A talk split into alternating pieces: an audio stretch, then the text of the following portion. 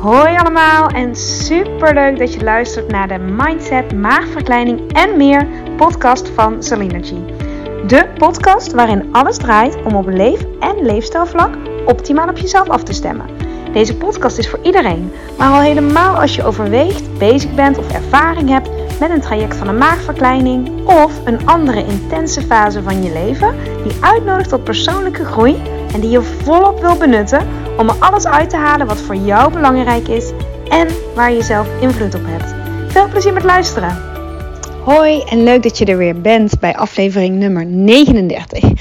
En vandaag een uh, thema um, die ik wil bespreken, of een podcastaflevering die ik wil bespreken naar aanleiding van een gesprek dat ik net had met iemand die uh, twee jaar na operatie is. En zij zei, um, of eigenlijk twee, twee mensen had ik net en die hadden een soortgelijke klacht. En ik deel met je omdat ik denk dat je er veel aan kan hebben. En het gaat over dat uh, een van die twee dames zei: Ik ben nu twee jaar na operatie en in het begin ging het afvallen wel goed. En nu uh, val, ik niet meer, meer, val ik niet meer af. Dus ze wilde dat wel nog heel erg graag. Um, en de ander zei: Ik wil wel meer sporten, ik wil wel meer bewegen, maar ik ben continu zo moe. Dus bij beide dames was het zo dat ze um, met goede moed de operatie ingingen. En nu, twee jaar na operatie, merken van ja, het, het, operatie aan zich heeft het hem niet gedaan. En dat is natuurlijk ook waar we het heel veel over hebben. Want ja, je, je, wordt, je wordt in je lijf geopereerd, maar niet in je, in je hoofd. Dus met, daar bedoel ik mee met oude patronen um, kunnen altijd weer terugkomen. Dus een van die dames merkte dat ze altijd heel veel voor anderen aan het zorgen was.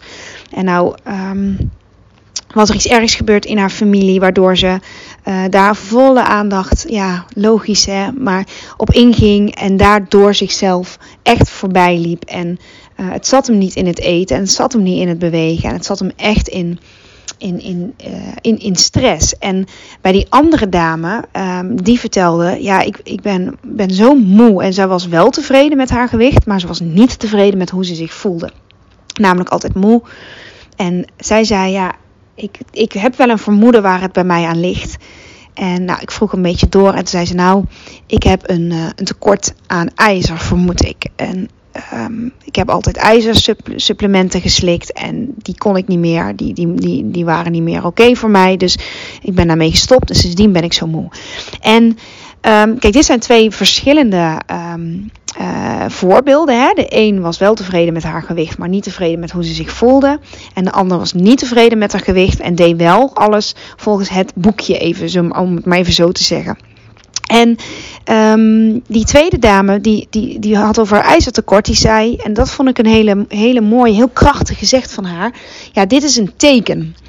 En dat, toen dacht ik, ja, dat, dat is het ook echt. Voor haar is het ijzertekort, of althans de vermoeidheid, een teken dat er iets is. En um, ik, die, die andere dame was, was het, het niet meer afvallen, een teken.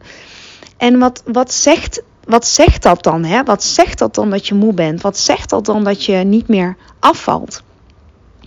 Bij de een zegt het, je mag echt wat meer rustiger aandoen. Je mag meer tijd voor jezelf nemen. Um, ik heb haar ook verteld over deze podcast. Dus misschien luister je en dan denk je: hey, dat gaat over mij. Ja, je hebt mij en ik denk heel veel mensen hiermee ook geïnspireerd. Om in ieder geval het um, met jouw verhaal um, ja, dit toe te passen op, op, op uh, dat anderen dit ook kunnen toepassen. Want wat, wanneer is het voor jou een teken dat het niet meer gaat? Hoe ver moet je gaan totdat je zegt en tot hier en niet verder? Nu draait het om mij. En niet zozeer nu draait het om mij, dus draait het niet meer om de ander. Maar nu mag ik echt opnieuw de kaarten gaan schudden. Wanneer ga jij dat doen? Wanneer ga jij opnieuw de kaarten schudden? En um, soms is het namelijk heel eenvoudig op te lossen door um, extra ijzer in te nemen. Of extra calcium, of extra magnesium, of extra vitamine D. Um, of meer water, of meer eiwitten. Soms is het echt zo simpel. Maar kom er maar eens op. Hè? Herken maar eens die signalen van het lichaam. En herken maar eens het teken dat jij krijgt om iets anders te mogen doen. En was ook nog een dame die uh, had, had veel moeite met de fietstest. En um, ze zei: Ja, op dit moment ligt het sporten ook even stil vanwege de vakantie. Um, dus ik zei ook tegen haar: Maar wat, wat, wat zou je nu. Um, als dat het is, hè, als je merkt dat, dat je door bewegen nu zoveel meer vermoeider bent, dat kan ook, dat kun je echt zien als een teken dat bewegen blijkbaar voor jou uh, erbij hoort om je fit te voelen. Want je kan allerlei tekens, en ik ben er ook van overtuigd dat het lichaam de hele dag met je communiceert, op verschillende manieren. Maar de vraag is, en dat is ook echt de vraag die ik in deze podcast wil stellen, en ik denk dat het een korter wordt. Wat is voor jou een teken? Wat is voor jou het teken dat je iets anders mag doen? Dat je iets mag veranderen? Is het vermoeidheid? Is het niet meer afvallen? Of is het juist heel snel in één keer afvallen terwijl je dat niet wil? Is het weer aankomen? Kijk nog iets verder dan alleen dat wat zo voor de hand lijkt te liggen. Qua bewegen en qua eten. Want bij beide dames hè, zat het hem daar niet in. Het zat niet in het bewegen. Zij sporten drie keer per week. Een half uur cardio. 40 minuten kracht. Ik zei ook tegen haar, daar zit het hem niet in. En misschien is het niet meer op haar afgestemd. Ze zei, ik, ik krijg wel veel ontspanning daarvan. Dus dat is, dat is fijn, dat is goed. Dat maakt natuurlijk ook dat ze dat volhoudt.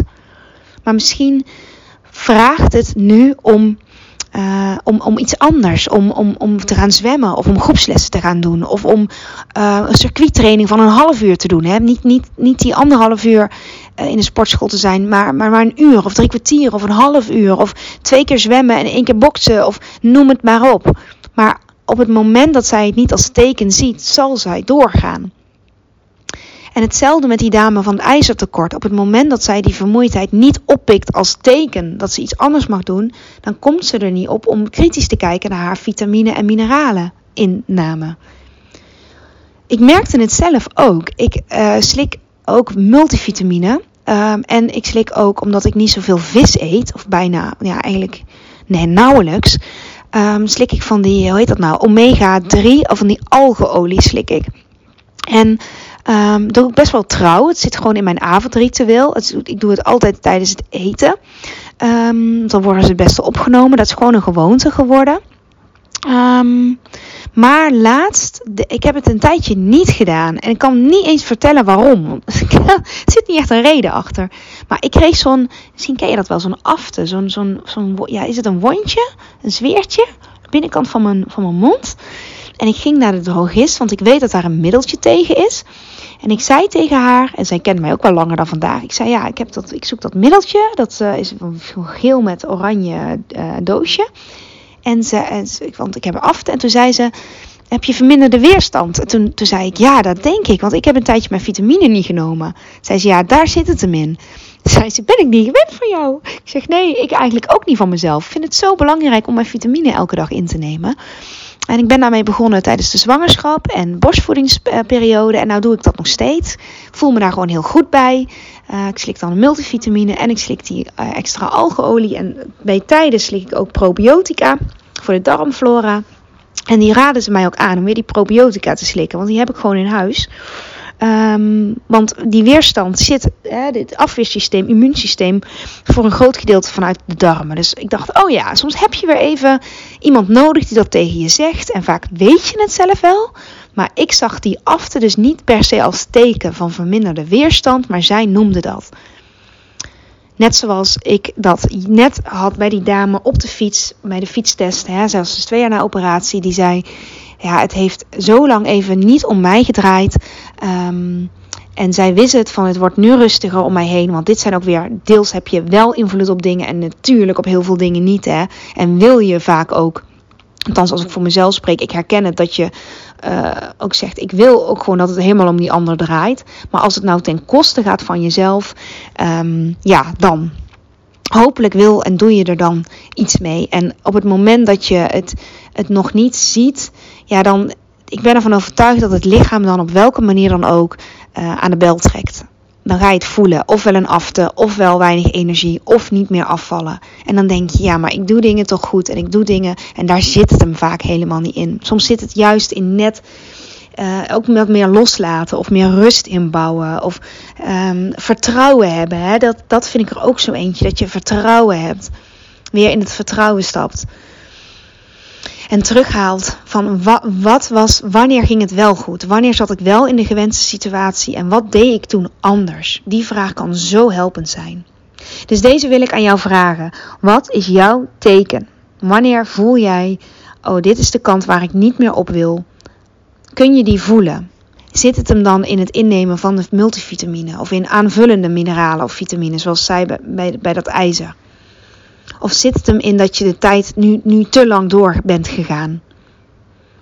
Zit, waar zit het hem in voor jou? Wat, wat is voor jou een teken dat je iets anders mag gaan doen? En soms is het antwoord heel erg voor de hand liggend.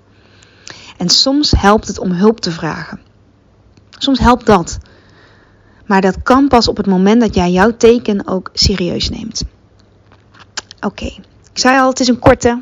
Daar wil ik het bij houden. Ik denk dat de boodschap duidelijk is en ik hoop dat je hier iets aan hebt. Heel graag tot de volgende keer. Dankjewel voor het luisteren weer. Dankjewel voor het luisteren van deze aflevering. Mocht je hem interessant hebben gevonden, vind ik het super leuk als je hem deelt met andere mensen die ook iets aan deze boodschap kunnen hebben. En of je misschien een review wil achterlaten. Want hoe meer reviews, hoe beter de podcast gevonden wordt en hoe meer mensen ik kan bereiken met deze boodschap. Hele fijne dag, tot de volgende keer.